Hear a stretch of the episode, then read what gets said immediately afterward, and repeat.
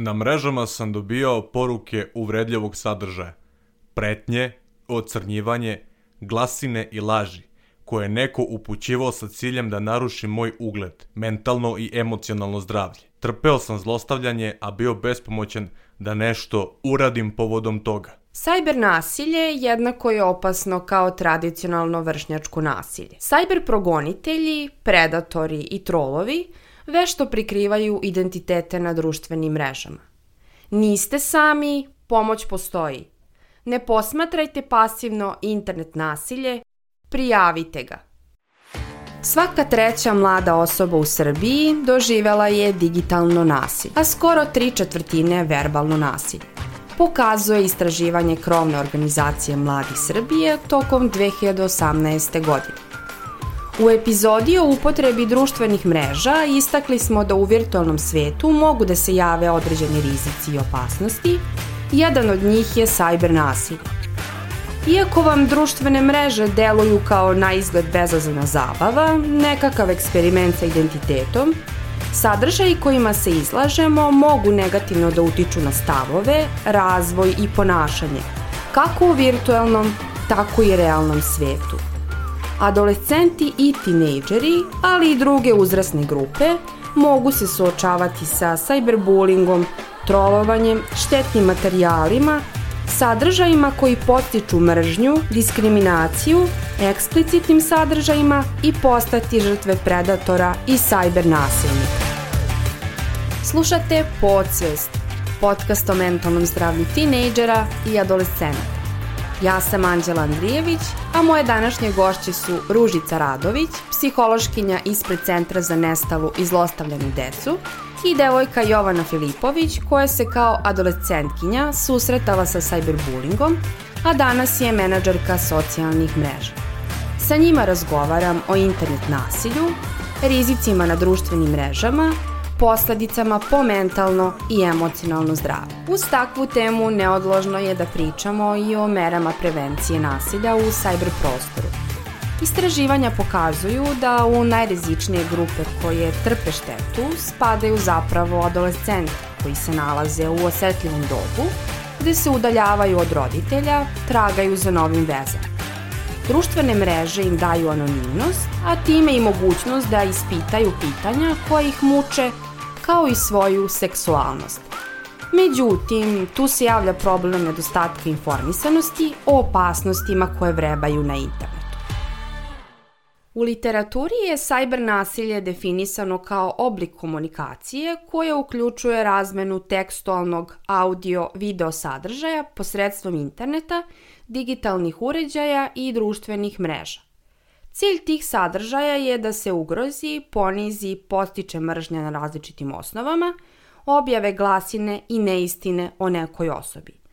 Tačnije, da se stvori osjećaj uznemirenosti i straha kod pojedinca. Psihološkinja Ružica Radović ističe da postoji više pokazatelja da je neko žrtva zlostavljanja na internetu možemo primetiti u suštini neke promene u svakodnevnim rutinama, u suštini neke sitnice vezano za za higijenu, vezano za ishranu, vezano za spavanje, za fizički izgled, čak i neko ekstremno pasivno ili ekstremno agresivno ponašanje kod deteta, smanjen nivo samopouzdanja, nemogućnost da se nosi sa pohvalama u tom nekom tinejdžerskom periodu kada je to baš značajno za decu i u suštini nekako neadekvatne te emocionalne reakcije na određene, na određene situacije ili spoljašnje neke stimuluse. U suštini to bih nekako izdvojila kao neke pokazatelje gde bi roditelji, nastavnici, stručni radnici mogli da, da primete da, da dete možda trpi, da kažemo, neko nasilje na internetu. Cyber nasilnik i online predator može biti bilo ko.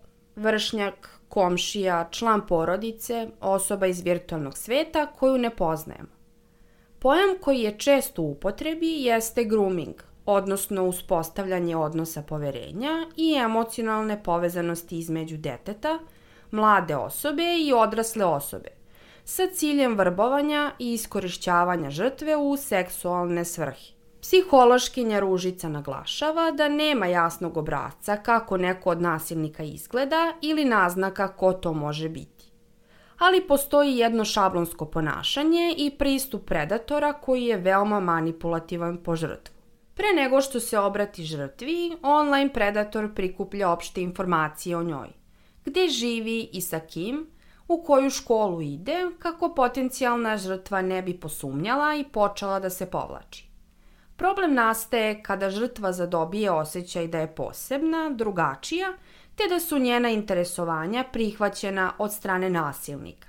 Nakon tog nekog ostvaranog odnosa poverenja, upućuju se direktna pitanja. Ko vodi tvoj profil na Instagramu? Da li ti roditelji kontrolišu mobilni telefon? Da li ti gledaju sa kim se dopisuješ? Na koji način se dopisuješ? I nakon toga nude neke besplatne poklone, nesebično pohvaljuju to dete, stavaju na njihovu stranu kad su u pitanju konflikti i razgovori sa roditeljima, pružaju im apsolutnu podršku što je detetu u tim nekom, nekom razvojnom dobi, dobu od ključne vrednosti. Znači, pružaju mu apsolutnu podršku da se dete osjeća da to stvarno neka osoba koja njega 100% razume i kada zadobiju poverenje, počnu da manipulišu detetom i da kontrolišu ponašanje žrtve. Nakon toga tražiti neke fotografije ili video snimke bez odeće ili nekoj provokativnoj pozi. I taj, taj period, da kažem, eto, traje i nakon, nakon što dobiju neku fotografiju ili video snimak ili bilo šta od toga, tu kreće onaj deo ucenjivanja, gde traže više fotografija, čak i sastanak uživo. I u tada je u suštini žrtva u najvećem nekom strahu, gde će ona iz straha reagovati na neadekvatan način. I tu je najvažniji onaj deo da ima dete osobu poverenja, kome će moći da kaže, e, ucenjuje me neko, traži mi dalje fotografije, jeste, pogrešila sam, pogrešio sam, ali eto, desilo mi se. U suštini taj deo, kada pošalje prvu fotografiju, nije ni, ni toliko da kažemo strašno ako je pošalje već ako nema kome da se obrati. I onda stvarno na kraju može doći do toga da dete iz straha ode ovaj, da se vidi sa svojim, da kažem, sa svojim predatorom i u suštini posledice toga mogu, mogu biti za mentalno zdravlje stvarno, da kažem, strašne.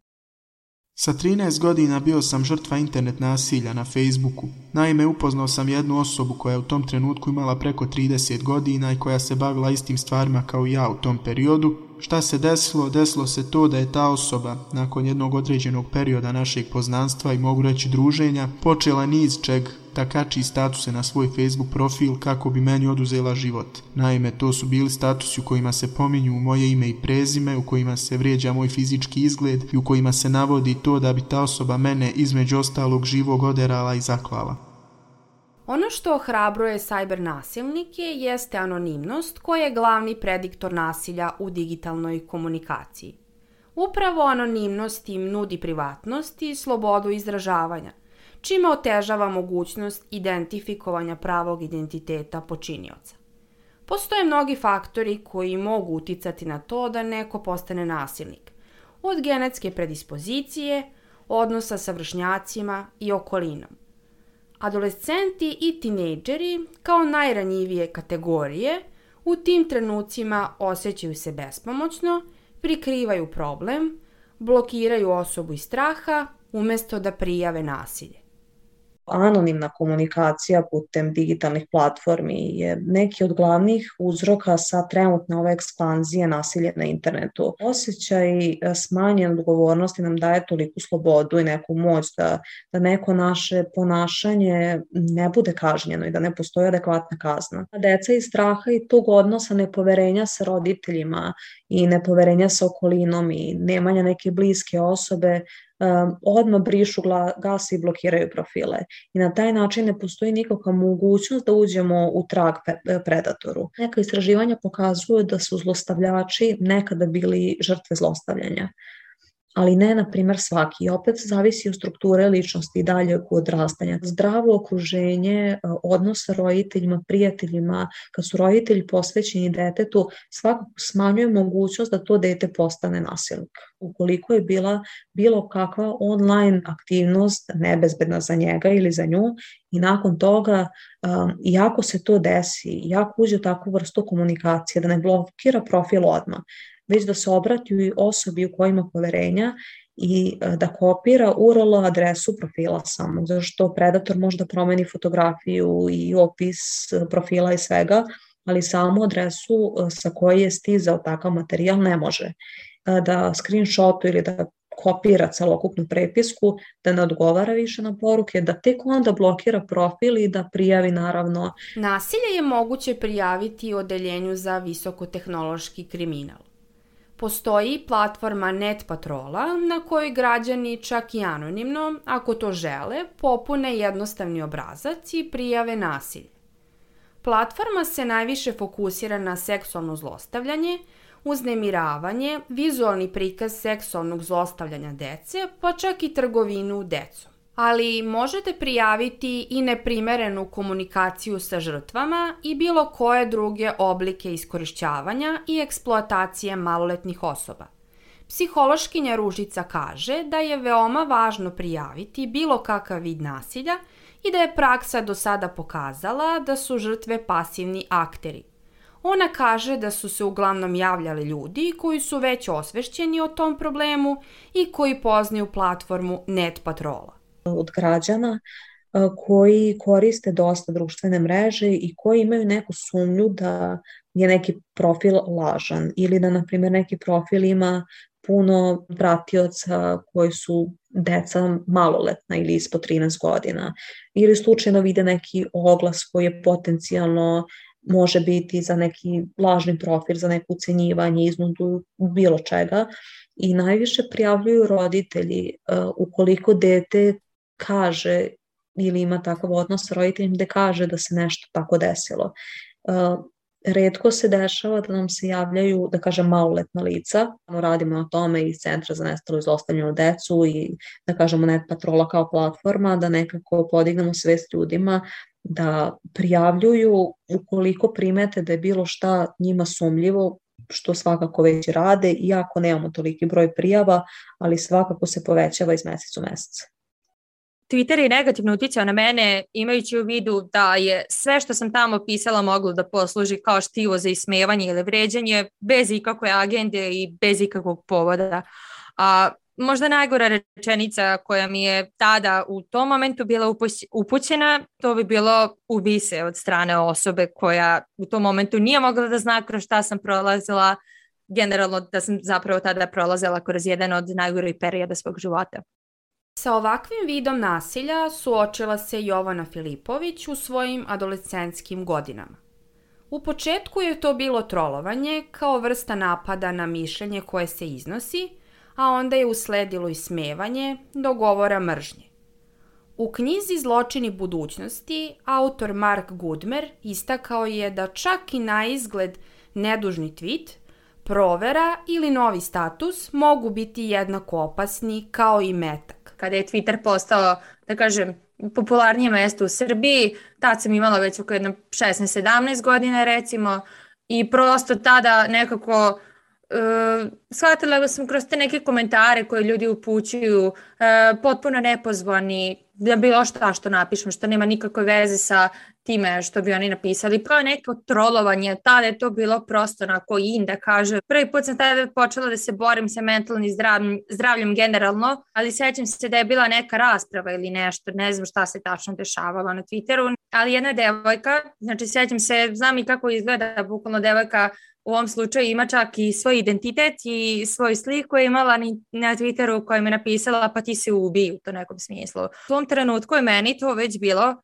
može da bude neki podstrek, neki postice. Mene je to već malo krenulo onako da guši i da me tera doli i da u tom nekom smislu razmislim čak kao da li se možete osoba, da li možete osoba u pravu, iako ta osoba nekog ko ne poznaje i ko ne zna prosto kroz šta prolazim, kakva sam u stvari. Pored toga što je sajber nasilje osetila na svojoj koži, Jovana je bila svedok maltretiranja njenih vršnjaka i prijatelja na društvenim mrežama. S tih 15-16 godina i sve, kada su najranjiviji, kada se razvijaju, kada im je nažalost, više važnije tuđe mišljenje možda njihovog. Videla sam isto kako se to njima dešava. Neko to uzme da zlopotrebljava, da piše neke uvrede i to ne čak ni uvrede na nešto što je neko rekao, nego to su uvrede na osnovu fizičkog izgleda ili na osnovu inteligencije koje uopšte nisu osnovane generalno. Poznajem i dosta osoba koje su javne i koji su više onako da kažem, jel te influenceri, I ovaj, posmatrala sam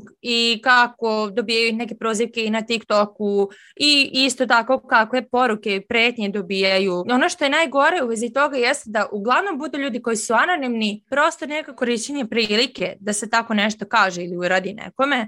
Znam da dosta mojih prijatelja odustajalo i gasilo društvene mreže. Mislim i sama sam isto otišla sa Twittera zbog sličnih razloga. Pretpostavlja se da mlade osobe zbog nedostatka svesnosti često ne promišljaju o tom uzročno-posledičnom delu i da zapravo iza tastature stoji njihova žrtva zlostavljanja, koji se nanosi psihološka i emocionalna šteta. U literaturi se navodi da sajber nasilje i javno omalovažavanje, ponižavanje imaju razarajući efekat na žrtvinu percepciju sebe i svog tela, samopouzdanje, pojavu depresije i suicidalnih ideja. Psihološkinja Ružica smatra da je samo jedan komentar nekada dovoljan ukoliko dete ili mlada osoba nemaju tu čvrstu strukturu, podršku prijatelja, porodice i zdrave odnose.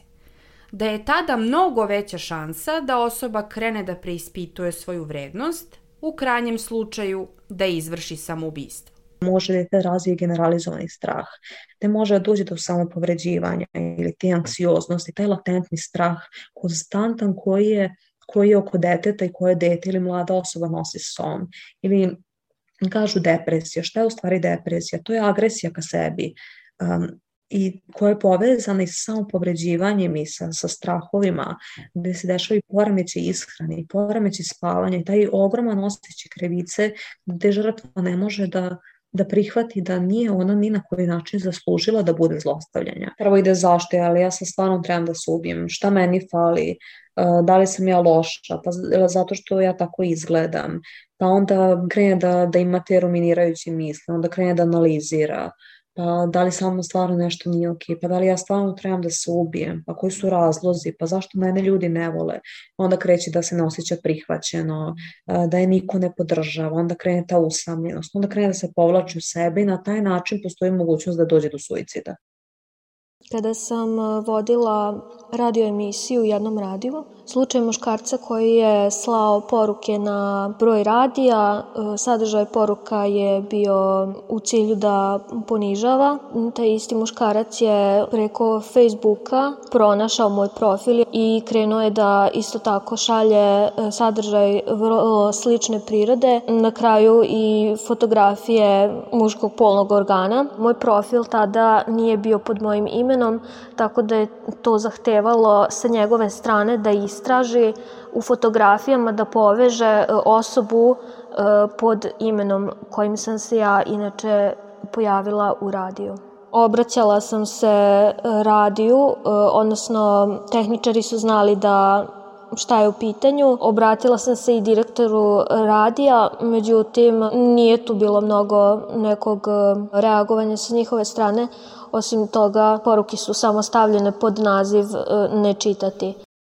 Od predatora, sajber nasilnika i osoba koje nam upućuju negativne komentare, kako ističe psihološkinja Ružica, ne postoji neka 100% zaštita. Važnu ulogu igra edukacija o upotrebi i zloupotrebi interneta i taj roditeljski pristup gde se detetu skreće pažnja da nauči kako da koristi društvene mreže i stekne određene veštine.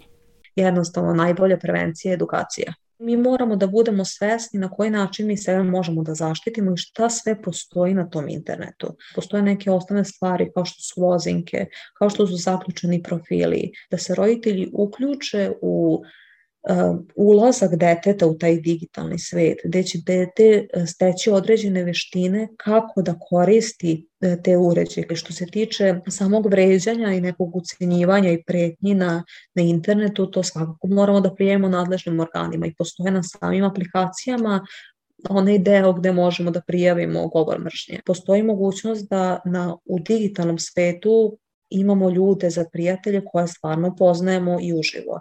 Da ne šerujemo, to je da ne postavljamo svoju lokaciju, da ne postavljamo neke svoje svakodnevne rutine, dopisivanje sa nepoznatim ljudima. Znači, kako, kako nam je okruženje u stvarnom životu, u realnom životu, tako da nam bude okruženje u tom digitalnom prostoru. Ono što je nama značajno i što će povećati, da kažem, naše i kompetencije i neke stečene vištine i znanje, da to pratimo i da koristimo u stvari internet kako bi sebe osnažili a ne da ga zloupotrebljavamo. Nije rešenje zabraniti digitalne uređaje.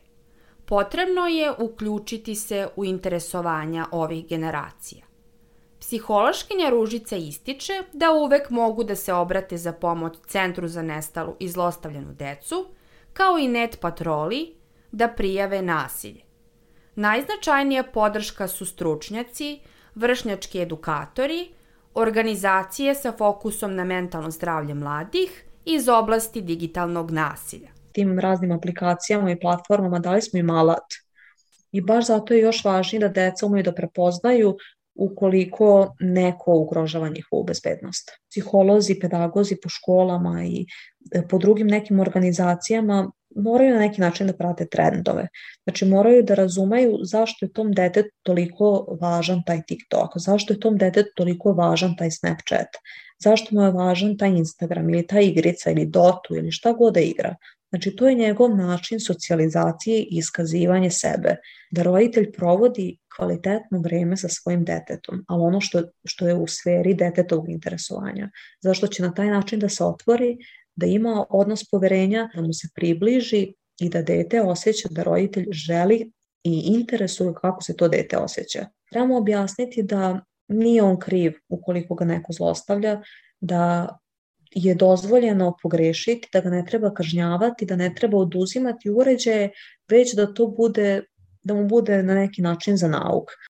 Mi živimo i u digitalnom svetu. Koristimo računare, tehnologije i društvene mreže. I veoma je važno da razmislimo pre nekog našeg rizičnog ponašanja i postupka na internetu. U članu 16 Konvencije o pravima deteta navodi se da nijedno dete neće biti izloženo proizvoljnom ili nezakonitom mešanju u njegovu privatnost, porodicu, dom ili prepisku, niti nezakonitim napadima na njegovu čast i ugled. Dete ima pravo na zakonsku zaštitu protiv takvog mišljenja i napada. Dakle, mi snosimo odgovornost ukoliko zloupotrebljavamo internet ili radimo nešto protiv volje druge osobe, ugrožavamo je na bilo koji način. Slušali ste Podsvest. Moje ime je Anđela Andrijević. U današnjoj epizodi sa psihološkinjom ispred Centra za nestalu i zlostavljanu decu Ružicom Radović i osobom koja je bila izložena digitalnom nasilju Jovanom Filipović, pričala sam o sajber nasilju. Istakle smo da ta reč, usmena, pisana, videosnimak, komentar, fotografija, bilo kakva forma, može da povredi osobu i da je digitalno nasilje jednako teško kao i tradicionalno vršnjačko nasilje. Iako je u digitalnom svetu iste efekte izaziva po emocionalno i mentalno zdravlje žrtve. Ono što smo isto naučili je da se obratimo osobama od poverenja i stručnjacima za mentalno zdravlje. Ako svedočimo nekom nasilju na internetu, prijavimo nadležnjima, net patroli i drugim organizacijama. Na taj način ne štitimo samo sebe, već i druge koji mogu potencijalno doći u dodir sa zlostavljanjem na internetu. Podsvest možete slušati na Sounder FM-u, Podcast RS-u, Google Podcastu i Spotify-u. Do sledećeg osluškivanja podsvesti kritički promislite pre nego što stisnite Enter na tastaturi, pošaljete fotografiju ili slično, jer kao što je autor senator El Franken jednom prilikom rekao, Ako neko hakuje vašu lozinku, možete da je promenite koliko god puta želite. Otiske svojih prstiju ne možete da promenite. Imate ih samo 10, a otiske ostavljate na svemu što dodirnete. Produkcija Fabrika kreativnosti